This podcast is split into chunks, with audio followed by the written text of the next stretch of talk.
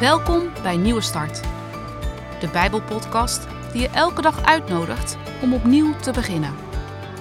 Soms kan het leven ingewikkeld zijn, maar je hoeft het niet alleen te doen. Vandaag heeft Niels de Jong een boodschap voor je.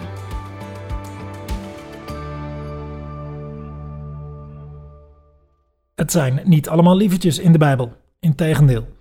Zoveel is wel duidelijk uit alleen al het eerste Bijbelboek Genesis. De mensen waar God mee werkt en waar hij doorheen werkt, daar zitten een paar slechterikken tussen zich. Kijk bijvoorbeeld maar naar Jacob, de tweede zoon van Isaac en Rebekka. Op een gegeven moment wil zijn oude blinde vader, voordat hij sterft, oudste zoon Esau zo'n zegen geven. Moeder Rebekka wil echter dat die zegen voor haar lievelingszoon Jacob zal zijn. En zij duwt Jacob in de rol van bedrieger. En Jacob pakt die rol van bedrieger vervolgens ook helemaal. In Genesis 27 staat het. We lezen er een kort stukje van. Jacob ging met het eten naar zijn vader. Hij zei: Dag vader. Isaac zei: Wie ben je zo? Ik ben Esau, uw oudste zoon, zei Jacob. Ik heb gedaan wat u wilde. Gaat u maar zitten en eet iets van dit vlees. Dan kunt u mij zegenen. Isaac zei: Wat ben je snel terug, jongen? Jacob zei: Ja, de Heer heeft mij geholpen om vlug een dier te schieten. Je moet het maar durven. Je eigen blinde vader op zijn sterfbed keihard voorliegen. En dan nog vroom doen ook door te zeggen dat God je zo geholpen had. Wat een partij is heiligheid en bedrog bij elkaar. De Bijbel maakt het niet fraaier dan het is. En ergens weten wij wel dat mensen inderdaad zo kunnen zijn.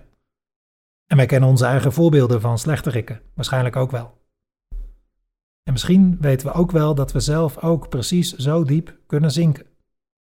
Bijvoorbeeld als we onder druk worden gezet door iemand waar we niet tegenop kunnen. Misschien is het bij ons ook wel zo gegaan. Zo ging het wel bij Jacob.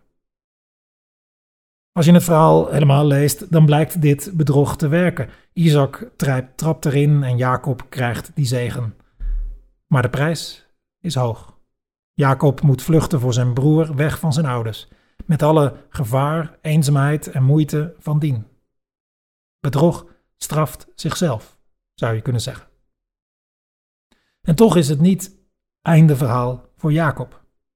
Want het bijzondere van het levensverhaal van Jacob is dat hij niet in de steek wordt gelaten door God. God gaat met hem verder. En ook als Jacob later weer in dezelfde fouten vervalt en weer tot bedrog overgaat om zijn zin te krijgen, dan nog laat God hem niet in de steek.